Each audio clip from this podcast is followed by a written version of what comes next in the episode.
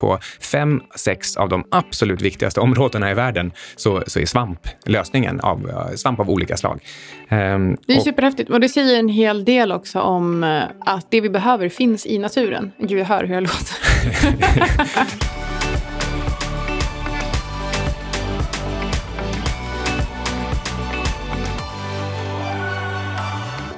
Micke? Ja? Jag är ett jetlag-geni. Berätta. Jag kom ju hem från eh, Los Angeles igår klockan 10 tyvärr. Eh, jag hade gärna stannat. Jag funderade ett tag på om jag skulle stanna.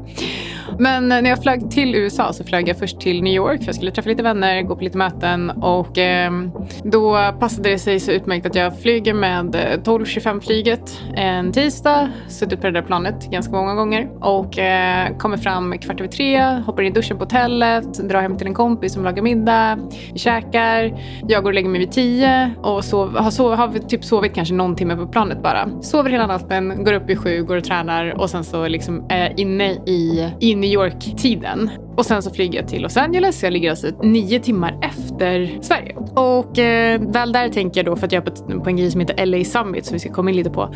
Väl där tänker jag att nu ska jag köra the whole summit experience. Så jag sover typ tre timmar per natt. Vilket innebär att jag efter fyra dagar där eh, ska sätta mig på ett plan hem. Så jag är så trött så jag sover i princip nästan hela flygresan. Och landar klockan tio i Sverige och är vaken hela dagen och eh, sover sen mellan eh, typ elva på kvällen till halv tio på morgonen och idag mår jag hur bra som helst. Och därmed så har du fått tillbaka all sömn som du missade där. Du var pigg och vaken hela tiden, gick på alla föreläsningar och nu är du tillbaka och eh, åtminstone verkar efter första natten som att du är i Sverigetid. Det är, det, du är ett geni. Jag gick på både alla föreläsningar och på alla fester. Ja, det är men, snyggt. Men jag tror faktiskt att det finns en annan sak också. Jag slutade ju dricka för två månader sedan. Mm. Hur gick det med det i LA? Det var inga problem alls. Eh, ibland så fick jag en drink i handen och då gick jag runt med den en stund och så ställde jag undan den. Typ när de andra skulle hämta nya drinkar. Och så fick jag en ny drink och så gick jag runt med den och så ställde jag undan den också. Det, det är nog det där som är det riktigt geniala i det här sammanhanget. Ja, eh, och eh, det var egentligen så för två månader sedan, precis när jag kom hem från Istanbul, så bestämde vi oss för att eh, bara skippa alkohol typ en månad eller köra här sober oktober. Men eh, i och med att eh, vi håller på att starta upp lite nya bolag och lite nya projekt så kände jag efter en månaden, för jag mådde så bra, träning och jättebra, jag får nya PBn, får och fel, jag tar nya PBn.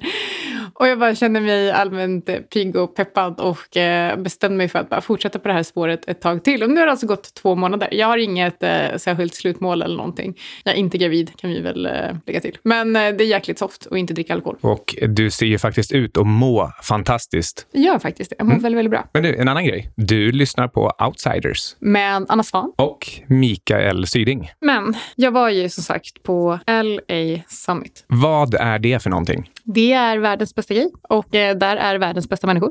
Och eh, det har gjort mig grymt inspirerad. Nej, men, nej, men det är liksom en stor konferens som de drog igång för typ 12 år sedan. Det var några entreprenörer som det hade gått ganska bra för som bestämde sig för att men fan, det hade varit soft liksom att bara köra, ha ett sammanhang där man eh, typ så bjuder in lite andra stora entreprenörer så att man kan få så här, inspireras av varandra. Så de skickade ut mejl till 60 duktiga entreprenörer och i princip alla sa ja.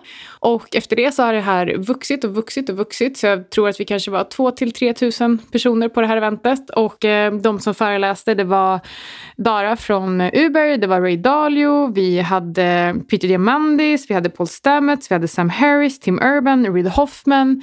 Eh, och vi hade SpaceX VD. Det var helt insane vilken line-up av eh, talare eh, som det var. Så att, och alla som är där då, man, för att få vara med så måste man dels bli eh, rekommenderad av någon som är medlem i communityt och sen så gör man, jag vet inte om det är tre eller fyra intervjuer eh, innan man blir antagen. Ja, jag kommer ihåg när du eh, gjorde de här eh, auditionerna och, eh, och de skrämde ju mig så mycket så att jag vågade inte ens försöka. Men det gick bra. Och eh, en en person som vi faktiskt har nämnt i den här podden innan som jag träffade där. Det är min Central Bank soulmate. Dr. Breedlove. Han är inte doktor. Nej. Eh, han heter eh, Robert. Det låter nästan som doktor. Det blir ja. doktor baklänges tror jag. Ja, men han där driver en kryptohedgefond i eh, Los Angeles och eh, såg honom på Real Vision, hörde av mig och frågade om vi skulle ta en kaffe. Eh, för han eh, tycker som jag om centralbanker. inte så himla ofta. Ja, den där Real Vision-intervjun, den är ju faktiskt riktigt, riktigt bra ja, om man tvekar lite grann kring bitcoin och guld. Och sen har han ju skrivit en ännu mer fantastisk artikel, men den tar typ två timmar att läsa.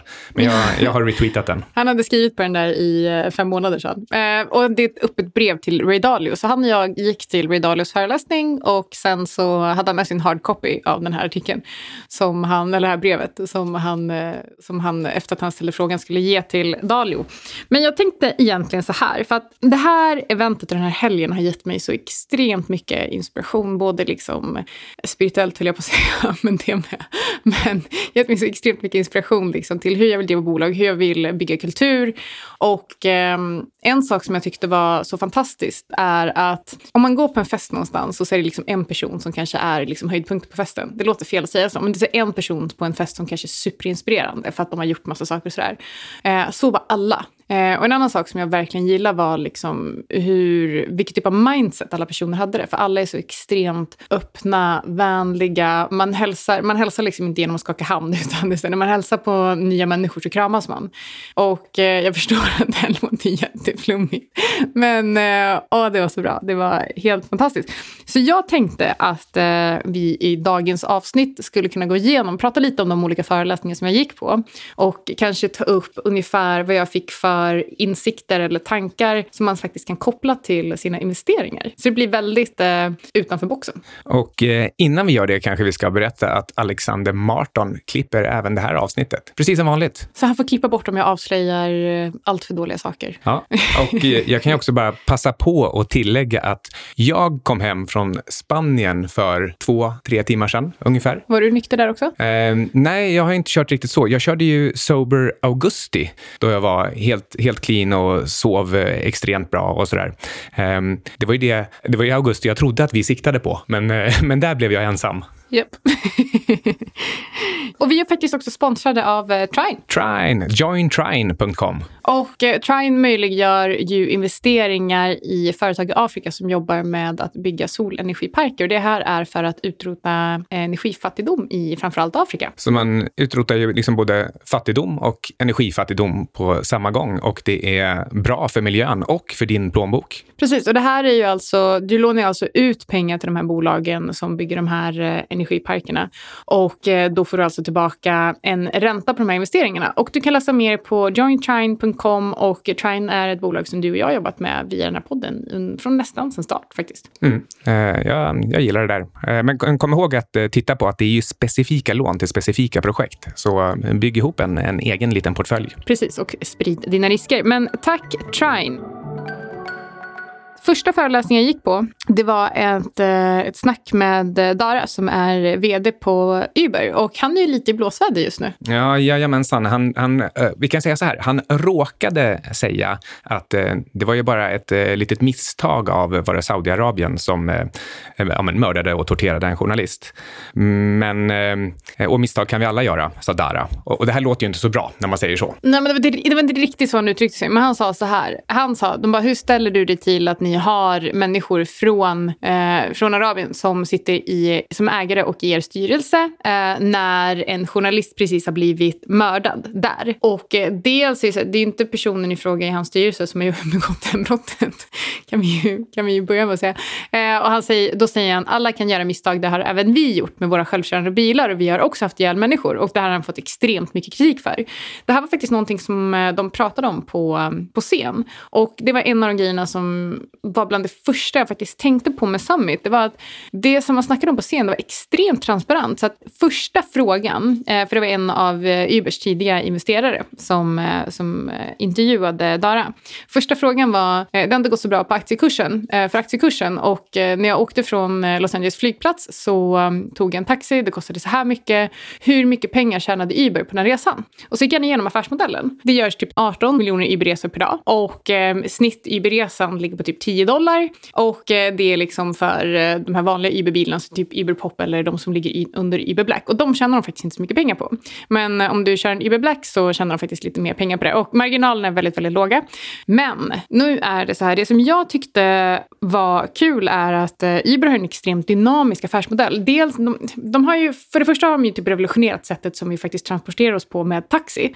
Men nu har de ju lanserat Uber Eats, vilket gör att eh, även bilar som inte transporterar transportera människor kan transportera mat, vilket gör att de kan liksom få flera intäktsben. Och här är marginalerna mycket, mycket högre. Och eh, dels, dels det, och de har investerat extremt mycket i det här därför siffrorna hittills har sett liksom så pass dåliga ut. Och eh, jag är lite intresserad av att titta närmare på det här caset och kanske eventuellt investera. För jag tror att det här skulle kunna, att vi skulle kunna stå inför en vändningspunkt, säger jag utan att jag tittat så mycket mer på caset än att ha eh, lyssnat på Dara. Eh, så, så biased blev jag av det. Ja, det är det här som jag brukar varna för när man lyssnar på Men jag VD:ar. säger att jag ska Ja, titta. Ja, jag vet, men jag jag vill eh, ändå bara påpeka just det här att man, man blir väldigt lätt fascinerad av karismatiska vdar. Och eh, därför vill jag bara sätta lite siffror på Uber. Eh, de förlorar en miljard dollar per kvartal. Eh, kvartalet innan så förlorade de i och för sig 5-6 miljarder dollar, men det var ett liksom specialkvartal med lite nedskrivning eller något sånt. Kostnader för emissioner och så. Eh, och sen har de ett market cap på 45 miljarder dollar efter halveringen i, eh, i höst. Och eh, det innebär alltså att P talet är minus 10 på årsbasis. Och eh, Vad är PS-talet då? PS-talet är ungefär 3.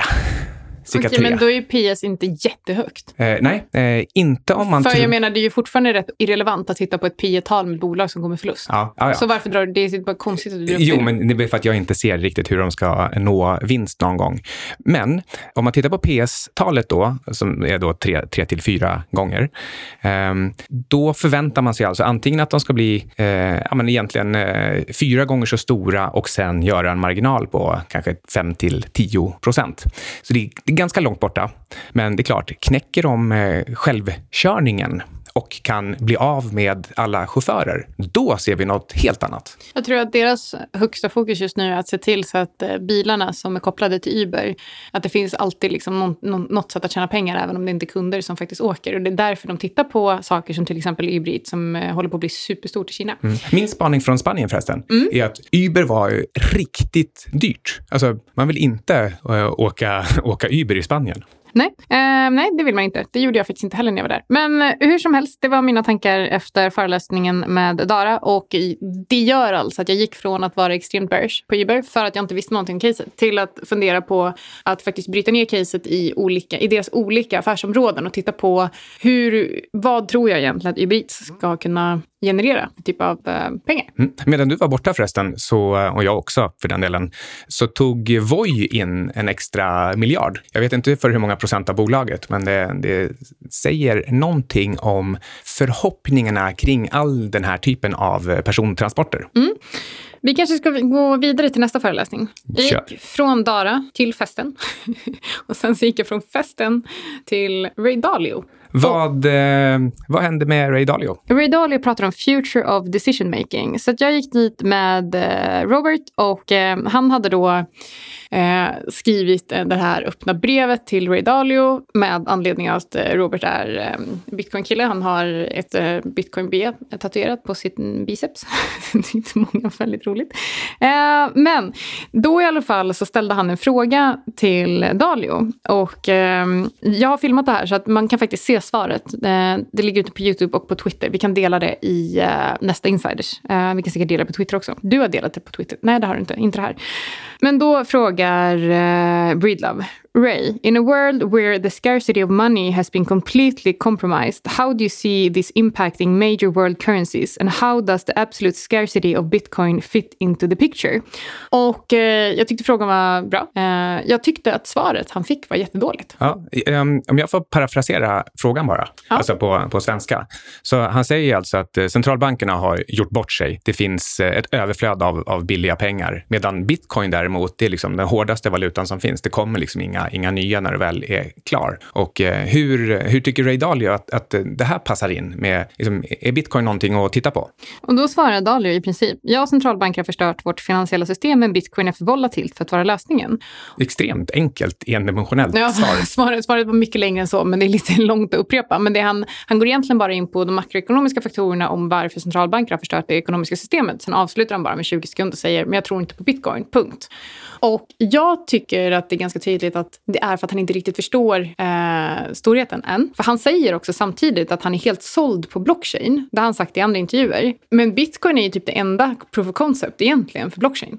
Ja, och eh, min, mitt eh, lite så djävulens advokatförsvar av Ray Dalio, det är att han, han tänker i termer av etablissemang och att flytta tusen miljarder i, eh, i rummet och i tiden. Alltså det är det liksom pengar, pengar ska flytta värden i rum och i tid tid Och för honom så är det nog inte riktigt relevant att titta på något som fortfarande är en nischprodukt. Och, och därför blir han fastlåst i ett paradigm med etablerade saker. Och därför så tänker han också i termer av att bitcoin är volatilt. Ja, men volatilt jämfört med vad då? För dollarn är ju lika volatil relativt bitcoin. Ja, absolut. Men, eh, men jag tycker i alla fall att eh, svaret var jag vill inte påstå att han är för dåligt påläst, för det tror jag inte att han är. Jag, bara, jag, var, jag, håller, inte, jag, så här, jag håller inte med Ray Dalio. Och inte jag heller. Eh, nästa grej som eh, vi gick på var en föreläsning om att vara en digital nomad. Och jag har ju pratat med dig tidigare om, du och jag var ju, funderade på om vi skulle göra det här. Eh, sälja lägenheten och flytta runt. Så någon månad på varje ställe och se vad man gillar och sen liksom slå sig ner där. Det är väl kanske inte riktigt det jag är sugen på att göra nu, men jag är lite sugen på att under nästa år när vi har eh, egentligen etablerat eh, taget ordentligt, eh, etablera etablera fel ord, men vi har kommit igång ordentligt och startat upp, att göra mig av med lägenheten och um, faktiskt uh, flytta runt lite i Europa. Eller i USA, vi får se. Men, um, men jag är lite sugen på att, uh, för jag, jag vill bo utomlands och uh, jag har i alla fall skapat mig en tillvaro där jag faktiskt kan jobba från olika platser och jag skulle kunna vara på halvtid i Sverige, varannan månad i Sverige um, eller lite mer. Men kanske inte ha riktigt någon fast punkt. Och det är mycket också för att det faktiskt är helt och hållet utanför min comfort zone. För att jag har varit den här personen som så här klamrar mig fast där jag bor och bara det här är min borg. Så jag tror att det skulle vara extremt utvecklande och ge mig väldigt mycket nya perspektiv. Och eh, det som jag tycker är intressant, om man ska fundera på kommersialiseringen av digitala nomader, om man ska se ett investeringsperspektiv då, så finns det jättemycket företag idag som eh, faktiskt jobbar med det här och startar upp eh, inte riktigt kollektiv, men i alla fall bostadslösningar för digitala nomader. Och det kommer liksom, Sverige, det finns ett par sådana platser i Stockholm, eh, men det blir liksom vanligare och vanligare. Och eh, jag tror att det är väl det som är så himla intressant med digitaliseringen idag, att det ger sådana extrema möjligheter. Och det är verkligen någonting som jag är intresserad av att testa på om, eh, om jag kan. Eh, men det beror lite på. Jag behöver prata med några av mina businesspartners och se om, se om de tycker att det är okej att jag inte är hemma så mycket. Vi får se. Jag tror att det är som du säger är väldigt nyttigt för, för psyket. Och eh, bara det här att sätta sig i ett tillstånd av att va, bryta sig loss ur homeostasen, det innebär antagligen att du kommer bryta dig loss ur massa annan homeostas också. Och, och du verkar vara inne i ett, ett skede nu när du är väldigt eh, kreativ och byggande. Och det är kanske bra att smida medan järnet är varmt då. Ja, eh, jag håller på att bygga ett eh, extremt stort nätverk av av eh, personer som jag träffar som är helt fantastiska och jag är väldigt, väldigt tacksam över det. Jag får träffa människor och ha väldigt liksom, intressanta diskussioner om intressanta saker och det är väl lite det livet handlar om så att jag vill väl helt enkelt bara sätta lite hävstång på det.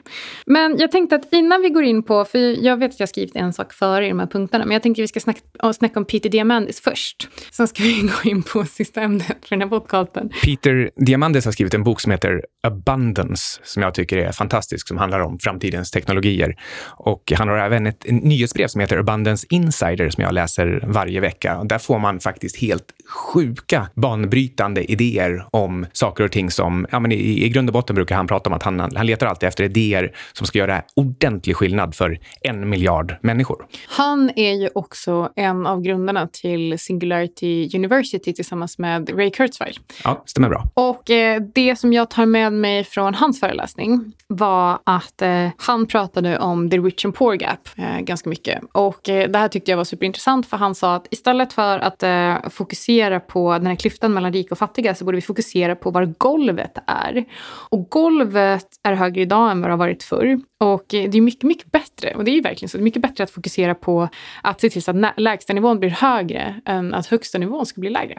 Um, han har förstås helt rätt, jag håller verkligen med. Det som är lite läskigt dock, det är det här att tittar man på Eh, lönestatistik i USA så har, eh, har ju medianarbetaren, tror jag, haft stillastående reallön i 40 år eller någonting sånt. Alltså så, så, så tyvärr så är det väldigt stor del i den här eh, kleptokratin som USA har blivit, eller, eller ja, men det, det är någon slags ny eh, aristokratiklass bland de allra rikaste, som då tyvärr har gjort att de, de, den vanliga människan i USA har inte fått det bättre. Så deras deras golv lyfts inte. Däremot så lyfts eh, det globala golvet hela tiden, tack vare utveckling inom teknik och inte minst medicin. Och ehm, då kan vi gå vidare till sista området, eh, där jag var på tre föreläsningar inom ämnet. Den ena föreläsningen var lite oväntad, för det skulle de inte, inte prata om det, men det blev om det i alla fall.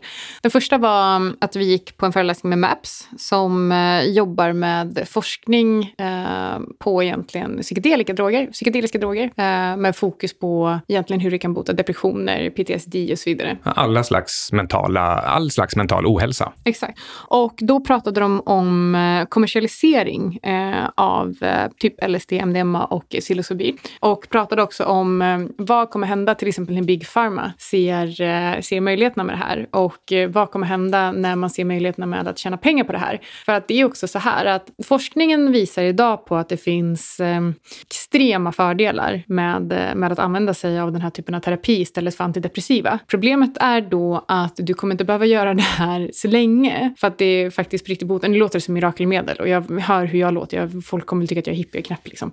Men eh, men vad kommer hända med, eh, med Big Pharma när de inte längre kan fortsätta skriva ut antidepressiva för att det finns andra saker som faktiskt gör dig frisk på riktigt? Det är ju faktiskt så att det är en mirakelmedicin. Det är i alla fall vad den kliniska forskningen antyder. Och det är till och med så att tänk hur mycket FDA motsätter sig alla typer av läkemedel och inte minst eh, den här typen av, av alternativa.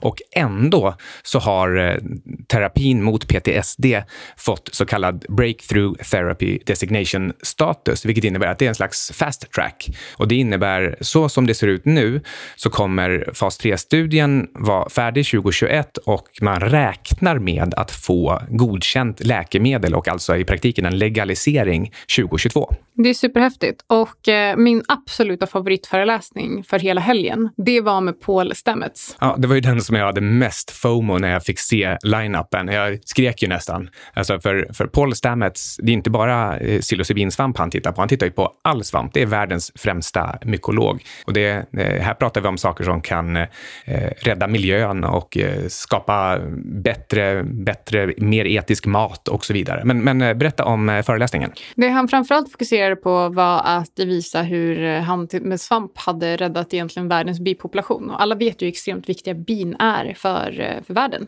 Och eh, det, man, man visste inte hur man skulle göra. De hade försökt med flera olika artificiellt framtagna liksom, läkemedel Eh, och det funkar inte. Det som hände var att det, födde, det kom bin som eh, med missformade vingar så de eh, kunde inte flyga så de dog bara. Och det här, den, här, ehm, den här sjukdomen spreds så snabbt så att om du, hade, om du var en biodlare så kunde du ha bin på tisdagen och så när du kom ut på torsdag morgon så var alla döda. Wow. Det, det, är, liksom, det är ju seriöst och extremt allvarligt och farligt. Och man förstod inte riktigt var det här kom ifrån tills man upptäckte att det var ett slags virus som spred sig från Asien.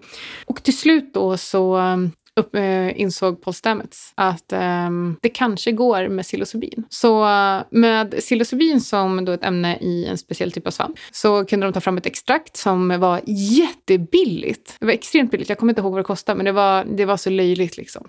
Så ehm, Eh, de kunde med hjälp av det här eh, utrota 80 procent av sjukdomen på, jag tror det var typ 12 månader i hela världen. Det är ganska magiskt att eh, den här molekylen eh, både kan användas mot PTSD, alltså liksom en, en kognitiv sjukdom i, i högre primater, och bota, var det någon virus eller bakterie? Som, Ett virus. Ja, ja, det är ett ganska brett användningsområde. Jag eh, gick i alla fall därifrån och kände att jag vill rädda världen med svamp. Ja, när, jag, när jag lyssnade på Stamets första gången och läste läste texter av honom, då, då tänkte jag också att det här är ju helt fantastiskt. På fem, sex av de absolut viktigaste områdena i världen så, så är svamp lösningen av svamp av olika slag. Um, det är och, superhäftigt. Och det säger en hel del också om uh, att det vi behöver finns i naturen. Gud, jag hör hur jag låter. ja, men det, det, finns verkligen en, eh, en sån här konspirationsvinkling här där man, där man känner att Big Pharma, de, de eh, prånglar ut saker som man blir beroende av och inte botar problemet, utan du blir någon slags zombie istället. Och här kan du på ganska kort tid till exempel bli av med eh, behandlingsresistent PTSD som du har kvar sedan sen förra stora kriget. Exakt. Och eh, då, mm, så det som jag vill, anledningen till att jag, hur, på vilket sätt jag vill koppla det här till investeringar är för att det finns faktiskt en hel del både privata och noterade alternativ som idag håller på med någon typ av försäljning av cannabisprodukter men som faktiskt jobbar med eh, forskning inom psilocybin och förmodligen kommer att kommersialisera den typen av produkter när det är legaliserat. Så vi kastar ut en fråga till våra lyssnare. Vill ni att vi gör ett avsnitt där vi går igenom den typen av bolag? Och nu pratar vi inte om att prata bara cannabis utan generellt liksom framtidens läkemedelsbransch kanske vi ska kalla det. Ja, fokus kanske med tanke på den här ingången blir eh, naturmediciner. Ja, precis. Natural medtech kanske vi ska kalla det. Så det finns ett bolag som vi har bara kikat lite snabbt på som heter Yield Growth Corp. Och eh, som sagt, Cannabisfokus idag forskar på psilocybin. Så eh, ni får jättegärna säga till om ni vill att vi gör ett avsnitt om eh, några olika av de här bolagen. Just det här bolaget hade väldigt lågt market cap, men, eh, men som sagt, vi har inte dykt in ännu och kollat eh, vilka olika företag som finns och hur stora de är, eller, eller ens egentligen vad affärsmodellerna är. Nu ska jag ge er lite mer FOMO. För på scen efter det här var Sam Harris. Ja, alltså jag har ju lyssnat på hundratals långa podcastavsnitt med honom. Jag har kört guidad meditation med Sam Harris. Han är en av de mest intressanta tänkarna kring eh, eh medvetande, alltså mänskligt självmedvetande spåret. Så eh, att, att höra honom prata i de här sammanhangen hade varit eh, fantastiskt. Frågan om du vill följa med, det ville du inte. Så att, eh, men så Tim Urban och Sam Harris hade en eh, diskussion, en dialog på scen. Kan jag bara berätta vem Tim Urban är? Ja. Han har en blogg som heter Wait But Why. Och har du aldrig varit inne på den, så börja med de första två, tre artiklarna där du bland annat hittar något om prokrastinering eller möjligen lyssna på hans TED-talk. Då, alltså, det här är typ världens roligaste människa. Ja, han, är ex, han var extremt rolig faktiskt. men, men det var faktiskt, um, ja, nej, det ska jag faktiskt inte säga inte. Men han sa en grej på scen som var väldigt rolig. Men, men så säger i alla fall Sam Harris att, eh, för Tim Urban säger då, du har ju inte tagit psykedelika på 25 år. Och då säger Harris, det hade varit sant fram tills för en vecka sedan. Och då säger Tim Urban, och jag tippar just nu. Så det var lite roligt. Men då pratar de, det var därför jag ville koppla det till... Eh, Fanns det inga poliser på campus? Eh, nej. men, eh, hur som helst, så eh, säger, berättar Sam Harris då om hur han en vecka innan hade tagit fem gram eh, psilocybinsvamp och haft ögonbindel på sig. Och så skulle han beskriva hur det här var. Och han sa att i vanliga fall om du stoppar ner din högra hand i din vänstra ficka och du hittar ett kvitto, så den här gången när jag stoppade ner min högra hand i min vänstra ficka, då kunde jag dra upp Andromeda. så beskrev han det. Och, nej, men det, var ett, alltså, det var ett fantastiskt samtal. Och eh, det var underbart. Och jag... Det är ju så här att Sam Harris har pratat ganska mycket om sina erfarenheter tidigare. Men det har som sagt alltid varit en referens till att han, han eh, var lite nyfiken på det här och testade det för 25 år sedan. Och haft ganska dåliga erfarenheter. Mm, eh, och, och sen sett att ah, men det där är, inte, där är inte hans väg. Men han har, han har pratat med väldigt många andra som har provat i modern tid och som också har förklarat under vilka omständigheter han borde göra om det här. Så att jag, jag tycker mig minnas i ett av de senaste avsnitten jag lyssnade på att han, eh, att han pratade om att han nog skulle genomföra just det här experimentet. Men, men det var inte alls bestämt ännu. Men eh, kul att, eh, att han gjorde det. um, så det var egentligen sista föreläsningen, näst sista föreläsningen jag gick på. Och därifrån gick man också bara så här, alltså vilken helg. För att sen avsluta med Reid Hoffman som grundade LinkedIn. Som gjorde en intervju med eh, Robert Smith som har grundat något som heter Vista Capital som investerar i framförallt eh, eh afroamerikanska communities och personer eh, från, eh, alltså, ja, från framförallt ställen där han har vuxit upp för att han vill ge tillbaka. Och Reid Hoffman är också en podcastare och författare verkligen av rang som jag kan rekommendera på alla möjliga sätt. Ja, och han hade en gospelkör på scen. Det var fantastiskt. Jag visade dig en film därifrån. Eh, nej, men så att jag, eh, när jag skulle åka hem från, och sen så avslutades det hela självklart med en stor fest så att jag kom väl i säng vid fem på morgonen eller något sånt där. Eh, men det var, jag tror faktiskt att en av räddningarna med att eh, jag måste vara hela helgen är för att jag som sagt inte dricker alkohol. Eh, vilket är jäkligt sånt. kan rekommendera. Nu kommer väl folk tycka att jag är superdryg. Folk tycker alltid att jag är, vad de kallar mig, överlägsen. Arrogant. Arrogant och överlägsen. Ja, Var det på, vad heter det där, Flash, Flashback? Nej, det var nog på... eh, Ja, DI. Ja, det, det är börssnack tror jag. Ja, just det. Äh, skitsamma. Ehm, det får man väl tycka då. Det, jag tycker att det är soft. Men hur som helst, jag är superinspirerad och det är ett nytt Summit, Summit at Sea i maj. Och jag är tyvärr inte sponsrad så jag ska betala den dyra biljetten en gång till. Jajamensan. Jajamensan. Um, fantastiskt. Det är bland det bästa jag gjort. Och jag är så otroligt tacksam över personerna som eh, jag har träffat på det här eventet. Det låter som en eh, perfekt avslutning på Outsiders för den här veckan. Och hör gärna av er med vad ni vill att eh, vi ska prata om så gör vi det. Vi, vi ska förresten prata om, vi ska fortsätta på kryptospåret och Mm. snacka ethereum versus bitcoin. Ja, för jag pratade en massa med min eh, före detta chef när jag var nere i, i Spanien nu. Så i, i, i två, två dagar så höll han på att att mata mig med detaljer om ethereum och varför det är så mycket bättre än bitcoin. Så eh, då tyckte vi att det är väl perfekt läge att verkligen gå igenom det här liksom intrakryptospåret istället för att hela tiden bara prata krypto versus guld. Och frågan är om vi kanske ska fråga Erik Wall om han vill göra ytterligare ett gästspel. Jag vet att det var många som uppskattade, den, eh, uppskattade vår dynamik som vi tre hade. Jag tänker att jag kommer ju ändå vilja prata med honom för att eh, få hans syn på var han står med eter just nu. Ingenting som du har hört i eh, Outsiders har varit någon typ av eh, rekommendation. Hur du än gör, försök inte få det till en rekommendation heller, utan alla placeringar är förknippade med risk som gör att du kan förlora hela eller delar av ditt kapital. Vi äger emellanåt vissa av tillgångarna som vi diskuterar i den här podcasten och våra sponsorer tar inget som helst ansvar för hur du handlar i de tillgångarna. Podcasten är menad för information och underhållning, även om vi förstås själva gör så gott vi kan när vi tittar på de olika tillgångarna. Och vill man veta mer så kan man gå in på sygcap.com eller på sydingsvan.com för att signa upp sig på vårt nyhetsbrev som vi skickar ut varje söndag. Men eh, med det sagt, det var allt från oss på Outsiders. med Hippianna och Syding.